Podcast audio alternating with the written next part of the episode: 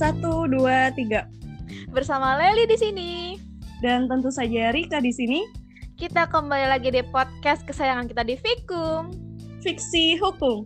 Semua orang tahu hukum. Semua- Assalamualaikum. Hai semuanya, gimana kabarnya nih? Semoga kalian baik-baik saja ya. Tetap jaga, jaga kesehatan, jaga jarak, pakai masker, dan tentunya ikuti terus protokol kesehatan. Dan jangan lupa di follow-follow Instagramnya di @fiksi.hukum. Sekali lagi di follow-follow Instagramnya di @fiksi.hukum. Oke, kita kembali lagi segmen Script Suite yang mana tentunya seperti biasa kita akan membahas tentang skripsi skripsi teman-teman kita yang sudah disidangkan tentunya. Dan kali ini kita akan mengundang narasumber yang tentunya luar biasa kembali. Tapi sebelum itu mari kita dengarkan dulu nih jeda iklan berikut ini. kasih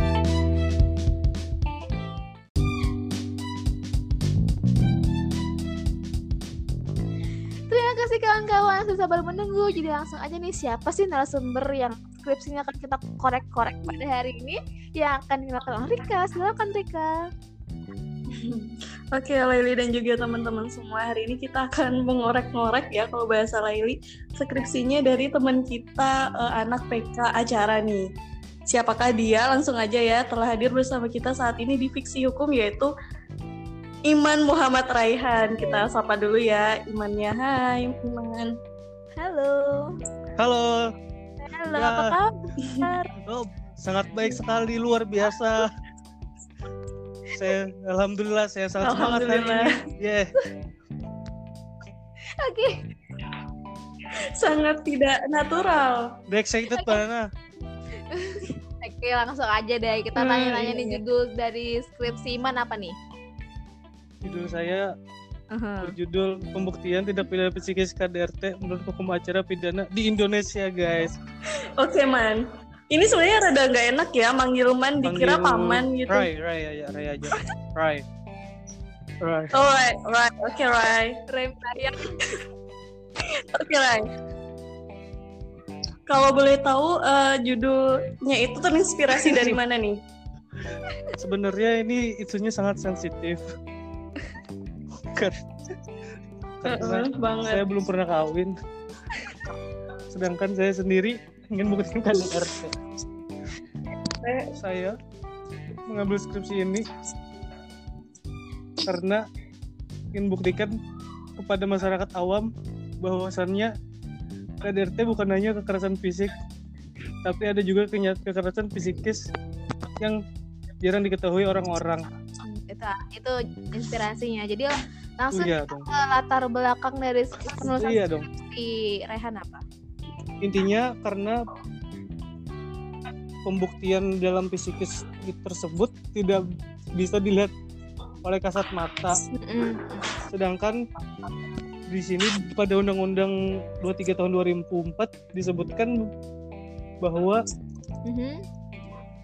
tindak pidana psikis sebagian dari tindak pidana KDRT Mm-mm. Jadi karena hal tersebut ingin diketahui bagaimana pembuktiannya dalam hukum acara pidana di Indonesia seperti itulah.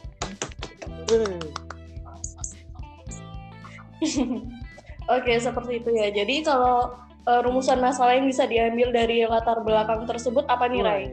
Urusan masalahnya tuh kalau ada salah Waduh, bagaimana menentukan bentuk tindak pidana psikis KDRT Mhm. Dan yang kedua bagaimana pembuktian tindak pidana psikis KDRT-nya Hmm. dalam hukum acara pidana di Indonesia. Oke, jadi langsung nih pembahasan dari rumusan yang pertama nih apa? Nah, dalam yang pertama rumusan pertama tuh aku tuh ngambil tindakan-tindakannya kan karena tindakan-tindakan dalam RM1 Mhm. jadi tindakan-tindakan yang dapat dikategorikan tuh mengkategorikannya sendiri seperti amarah berlebih, serangan Mhm. verbal dan tindakan yang menimbulkan ketakutan lainnya. Mhm. Nah, itu bisa dimasukkan dalam kekerasan psikis. Mhm. Tapi karena kekerasan psikis itu delik aduan kan, Mhm. jadi bisa saja korban kadang melaporkannya Oh, oh, oh. karena asalkan semuanya kayak karena terjadi tidak terjadi apa-apa. Nah, karena itu menentukan tindak pidana psikis KDRT itu dapat dilihat pasal 7-nya Undang-Undang PKDRT yang mana suatu tindakan telah disebutkan harus ada dampaknya. Mhm. yang terjadi. Iya. jadi semuanya tergantung pada korbannya aja lagi Mm, sedangkan yang kedua tuh rem 2 nya kan pembuktiannya. Nah itu itu sebenarnya dalam pembuktiannya itu menggunakan teori pembuktian positif. Kalau alat buktinya itu sesuai dengan undang-undang yang undang-undang yang aku lupa lagi apa aja nah kalau dalam kasus KDRT sering terjadi terjadi sering kali terjadi penyidik kekurangan alat bukti Oh, maka keyakinan Mm-mm. hakim tuh pakai banget Oke. dalam memutus perkaranya Mhm. dan dalam tindakan fisikisnya hanya bisa dibuktikan melalui visum et repertum psikiatri Mhm. Yaitu keterangan mengenai kondisi psikologis kor- seorang korban yang disertai kemungkinan sebab-sebabnya Mhm. ini dikeluarkan oleh pihak-pihak non psikolog yang berkompeten seperti intuisi dan lembaga yang berwenang mengeluarkannya Mhm. bedanya visum et repertum psikiatri dan yang biasa ya karena ada kata-kata Iya. psikiatri di belakangnya Mm, itu yang membuat aku semalam diserang lawan Buramida ya seperti itu lah. Oke, itulah pembahasan singkat ya dari skripsi dari Ray. Kita langsung ke masuk ke sesi tanya jawab nih. Kalau Rika mau mulai silakan Rika. Oke, dari tadi belum dijelaskan nih ya eh, apa sih sebenarnya kekerasan psikis nih? Boleh dijelasin nggak Ray? Apa sih kekerasan eh, psikis Oke. itu? kekerasan psikis itu terdapat pada undang-undang PKDRT Mhm. dalam pasal 5-nya itu termasuk dalam undang-undangnya sedangkan dalam pasal 6-nya sebutkan pengertiannya yang mana kekerasan psikis sebagaimana yang sebagaimana dimaksud dalam pasal 5 huruf B adalah perbuatan yang mengakibatkan ketakutan, hilangnya rasa percaya diri, hilangnya kemampuan untuk bertindak, dan rasa tidak berdaya dan atau penderitaan psikis berat pada seseorang. Mhm. Seperti itu. Oke, seperti itu. Selanjutnya kan tadi disebutkan Ray bahwa ini adalah delik aduan ya kan. Berarti Yes. orang luar nih tidak dapat ikut campur. Benar kan? Hanya korbannya saja. Cuman Ya kan korban di lapangan itu kita tahu bahwa kadang korban itu kan sese- seseorang yang lemah kan dan mereka takut untuk melaporkan gitu. Itu seperti apa? ya Kauman. karena itu diperlu sangat dalam pembuktian dalam deliknya te- delik aduan tersebut sebenarnya bukan cuma korban yang bisa melaporkan tapi dalam undang KDRT lah Mhm. keluarga korban atau orang terdekat bisa juga melaporkannya Mhm. tetapi yang memutuskan untuk melanjutkan kasusnya tuh korban Mhm. ya Seperti itu ya. Oke, lanjut ya. Tadi kan udah dijelaskan oleh Ray ya bahwa pembuktian eh, dalam kekerasan psikis ini sulit gitu di pengadilan. Nah, bisa dijelaskan nggak sih apa-apa aja yang membuat ini tuh sulit untuk dibuktikan? ya kekerasan psikis ini sulit dibuktikan di pengadilan karena dari awalnya sendiri kekerasan psikis tidak terlihat tidak seperti kekerasan fisik yang mana Mm-mm. menimbulkan bekas luka Mhm. yang bisa dilihat oleh kasat mata sedangkan psikis tidak bisa dilihat jadi tergantung dengan korbannya sendiri Iya. apakah merasa jiwanya terancam atau mentalnya yang rusak karena, karena hal tersebut perlu dilakukan uh, visum oleh pihak-pihak terkait Dan tadi juga masalahnya kan judulnya pembuktian ya. Pembuktian berarti ada ada nama alat bukti dan tadi juga disebutkan Ray bahwa em, apa ya biasanya itu penyidik itu kekurangan alat bukti kan. Maksudnya kan kekurangan alat bukti ini seperti apa maksudnya? Apakah karena eh, hanya apa ya saksi yang tidak ada atau seperti apa sih maksudnya kekurangan alat bukti, alat bukti ini? Nah, kata sekurang-kurangnya memberikan alat bukti minimum harus didatangkan pada saat pembuktian. Jadi kan karena lima alat bukti yang sah itu kan keterangan saksi, keterangan ahli, surat, petunjuk maupun keterangan terdakwa. Hmm. Sedangkan dalam kasus KDRT kadang ti- terjadinya peristiwa tersebut tidak ada saksi Hmm. karena di dalam rumah itu sedangkan keterangan terdakwanya yang keterangan saksi korban Mhm. kadang kadang mau juga Iya, ma- karena karena psikisnya kan Mhm. jadi sulit untuk memberitahunya Hmm. nah, harta tersebut jadi tergantung oleh keterangan ahli aja lagi Hmm, kayak gitu ya.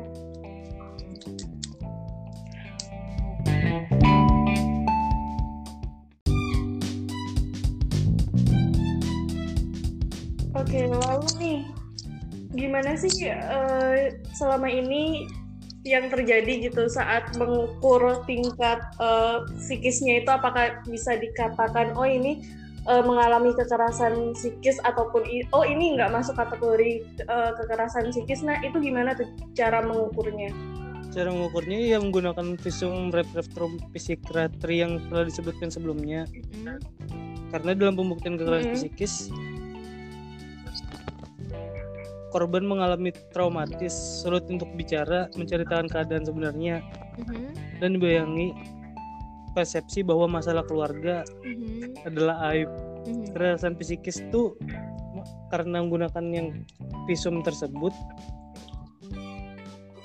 jadi tergantung ahli aja lagi apakah yang telah melakukan kekerasannya tuh soalnya orang orang-orangnya tuh beda-beda ada yang diberikan kata-kata kasar aja udah down Mm-mm. tapi ada juga yang iya di apa dihina-hina sampai anu sampai menggunakan kata-kata yang sangat kasar lagi Mhm.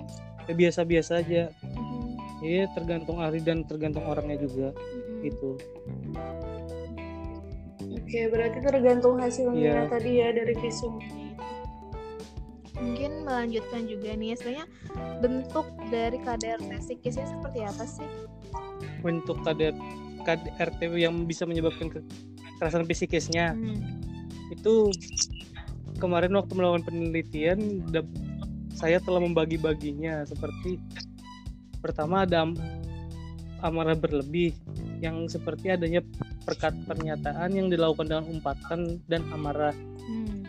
contohnya seperti suami yang emosi berlebihan terhadap istrinya yang disertai dengan penghinaan ataupun kata-kata kasar lainnya dan Mm-mm. sehingga merusak barang-barang di sekitarnya ataupun menimbulkan suara-suara yang dapat menghancurkan mental korban Mm-mm.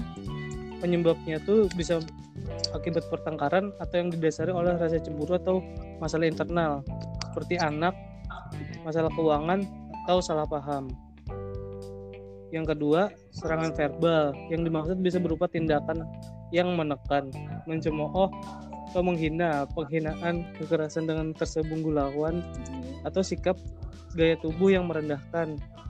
Contohnya seperti berkata kasar yang tahu tidak pantas, memanggil dengan sebutan yang tidak baik, membentak, mencaci maki, dan lain-lain. Eh, dari serangan verbal tersebut berbeda dengan ser- de- dengan serangan fisik yang mana hasilnya tidak terlihat tapi efeknya bisa lebih berbahaya dari serangan fisik. gitu ya Ya, misalnya bisa menimbulkan tidak percaya diri seorang atau bisa juga meng- menyalahgunakan Mm-mm. yang sewajarnya. Yang ketiga, tindakan yang menimbulkan ketakutan, hilangnya rasa percaya diri, hilangnya kemampuan untuk bertindak atau tidak berdaya. Hal tersebut bisa berupa sebuah ancaman atau teror yang mem- dan memerintah. Mm-mm. Ancaman menjadi salah satu kekerasan verbal bisa menimbulkan traumatis. Dalam menuntut, melarang dan membatasi memerintah pasangan sehingga kebiasaan Anda padahal hal ini dapat membuat pasangan tertekan. Contoh antara lain melarang pasangan untuk tidak boleh keluar rumah sedikit pun. Hal-hal yang biasa terjadi kecemburuan atau sebuah alasan ketahuan yang berlebih. Sudah Sudah. Pengen oke gitu Eh, lanjut ya Aha. ya Eh, aku ada juga beberapa dengar bahwa eh, ada beberapa aduan gitu ya dari korban dalam arti di sini adalah istri tapi nggak beberapa lama kemudian aduan itu dicabut habis itu diaduin lagi habis itu diaduin Hmm. lagi Jadi istrinya tuh kayak labil gitu loh Mhm. nah iya ya. kayak gitu tuh gimana tuh ini kayak malah tambah menyusahkan kayaknya ya Jadi itu tergantung oleh pihak penyidiknya aja lagi apakah akan mengirim penyidik untuk melakukan apa menyelidiki kenapa istrinya jadi selabil itu apakah bisa jadi dia labil karena ada ancaman dari pihak suaminya Hmm. Mm-mm. atau karena takut kehilangan ada yang kehilangan pencari nafkahnya dan sebagainya. Berarti harus diselidiki lagi gitu ya. Hmm, bener banget. iya. Ya, pintar-pintar lagi dari penyidiknya lagi kan? Apalagi masalah iya. KDRT ini kan rumah tangga kan susah banget kan? Apalagi kita Iya. bertiga kan belum ada menikah nih. Belum kan? Ah, belum kan nih? Laili OTW. lah itu kita nggak ada yang menikah kan dan permasalahan rumah tangga pun kita nggak tahu gitu loh kita mandangnya oh gini gini gini tapi tidak tahu dalamnya seperti apa dan sebenarnya faktor yang menyebabkan eh, adanya KDRT itu apa sih man? Eh Ray? oke Mhm. Rekaman sudah tahulah nah faktor pendorong terjadinya KDRT Mhm. telah disebutkan oleh Muarti Hardianti Suwerso SHMH Mhm. Wis, siapa tuh? baik. sarjana hukum lah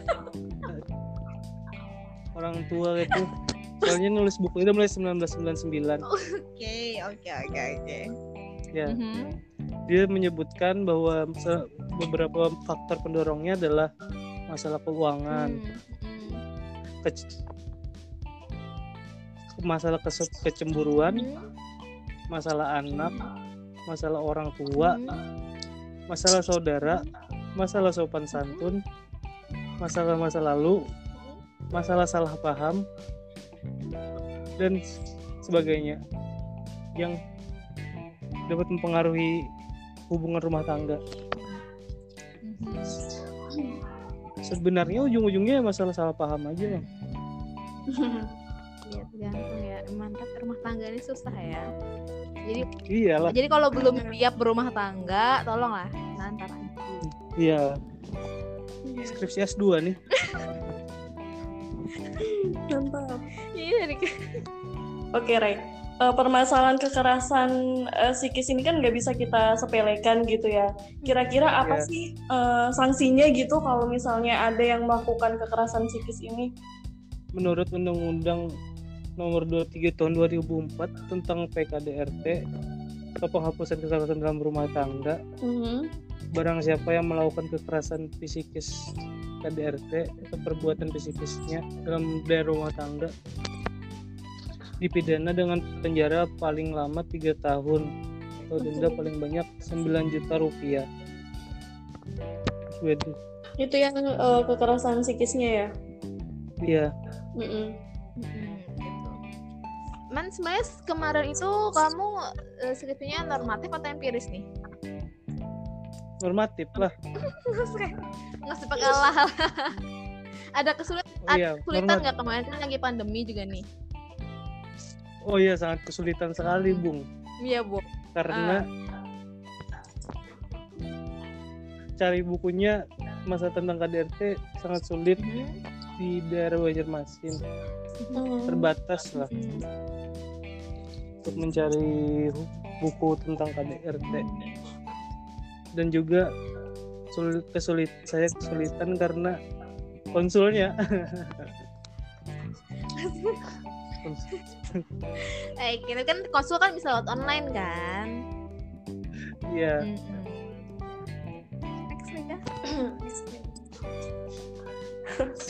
Oke, lanjut ya. Eh, berbicara mengenai aspek pemulihan nih, apakah dalam undang-undang eh, ada disebutkan mengenai aspek pemulihan dari korban sendiri? Maksudnya apakah ada eh, rehabilitasi ataupun yang lainnya? Apakah disebutkan kayak gitu? Dan apakah ada yang seperti itu? dalam aspek pemulihannya pemulihan tentang korban KDRT hal itu didiskusikan dulu oleh pem- oleh korban bagi korban kekerasannya dengan cara menggunakan terapi psikologis bagi korban yang untuk mencegah trauma kekerasan yang dapat berdampak seumur hidup. Kekerasan psikis biasanya menggunakan proses pem- pemulihannya dibantu oleh tenaga psikolog atau psikiater yang dibutuh yang dalam melakukan pemulihannya ini melakukan cara konseling. Sedangkan pemulihan jenis kedua jenis kekerasan dapat dilakukan di rumah sakit, klinik, puskesmas, atau institusi kesehatan lainnya untuk aspek medis. Untuk yang non medisnya dapat dilakukan dalam rumah yang aman, shelter, crisis center, UPPH atau apa UPPH-nya aku lupa nah. Undang-undang perlindungan anak. ya orang perlindungan anak dan lain-lain. Oke, Man. Eh, Ray, sorry. Kan eh, biasanya ng- nggak semuanya sih ya, cuman biasanya kan tuh korban dari KDRT kan seorang istri atau seorang perempuan ya. Tapi kan tidak Iya. kemungkinan juga nih korban dari KDRT pagi yang Iya. psikis itu laki-laki. Nah, seba- gimana nih sebagai nanti akan menjadi kepala keluarga laki-laki ke misalkan dong. nanti kamu mendapatkan kekerasan psikis, itu kamu seperti apa responnya? Iya. Aku Iya. kena kekerasan psikis.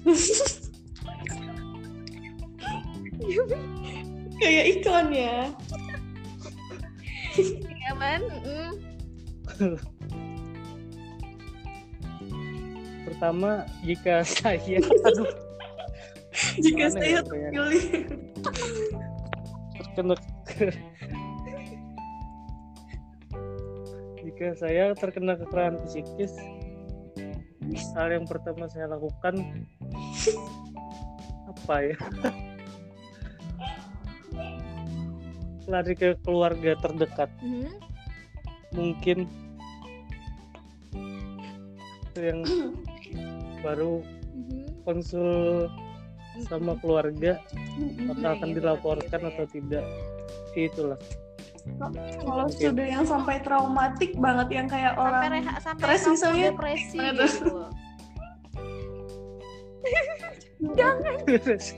bunuh diri ya?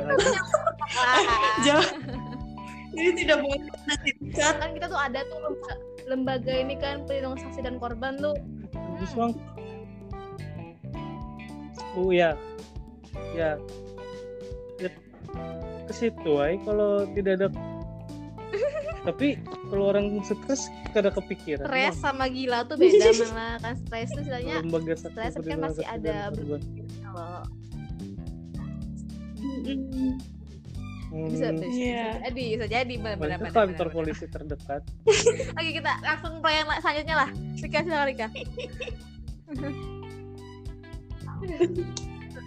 aduh ya ampun Eh, Oke, dari tadi kan kita bicara eh, mengenai suami dan istri nih dalam KDRT.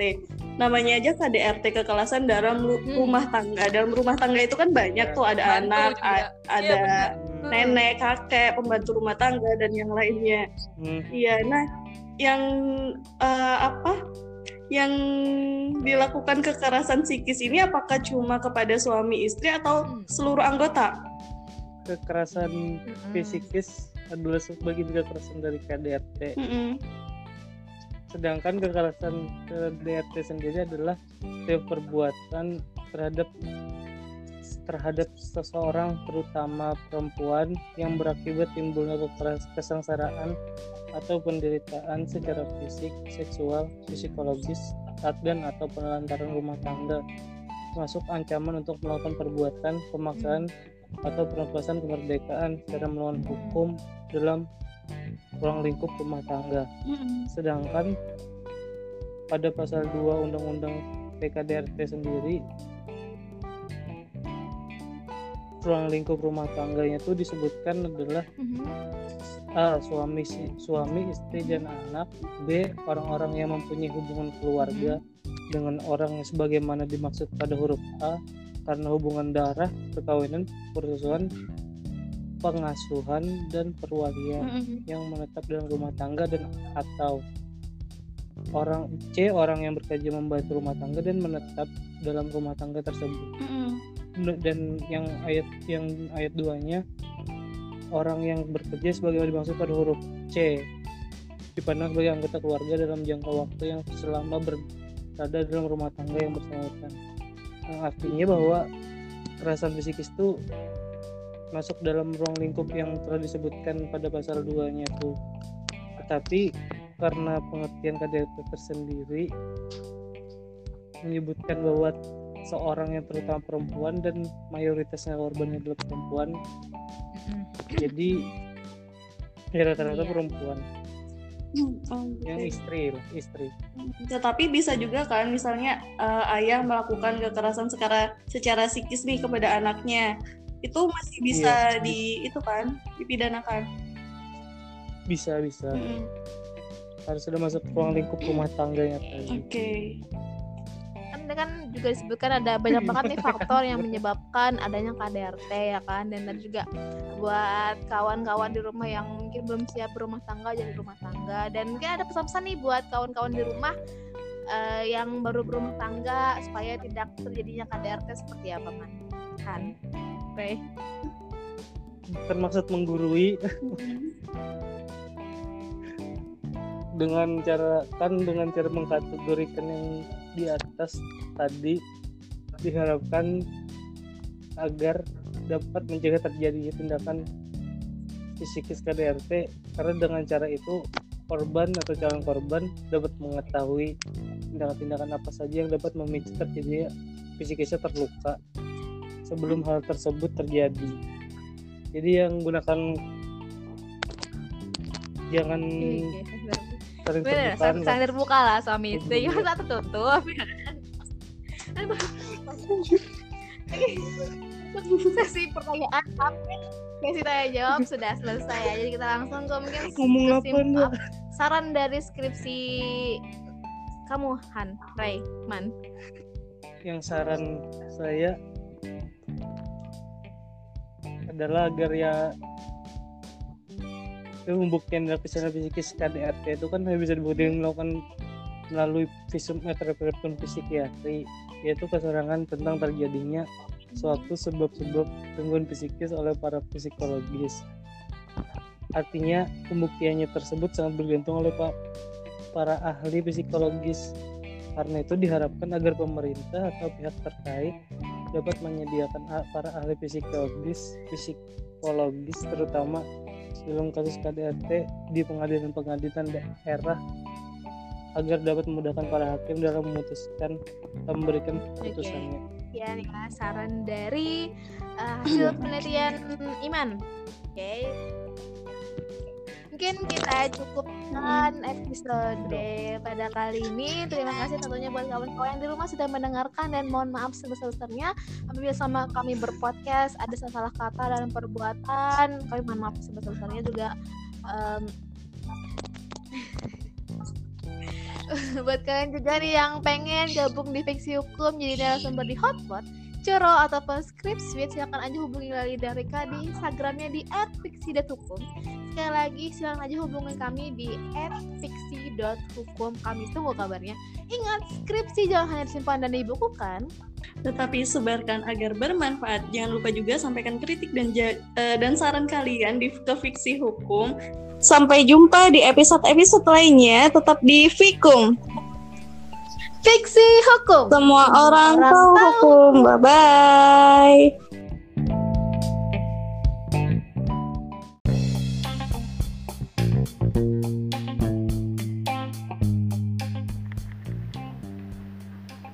di balik podcast.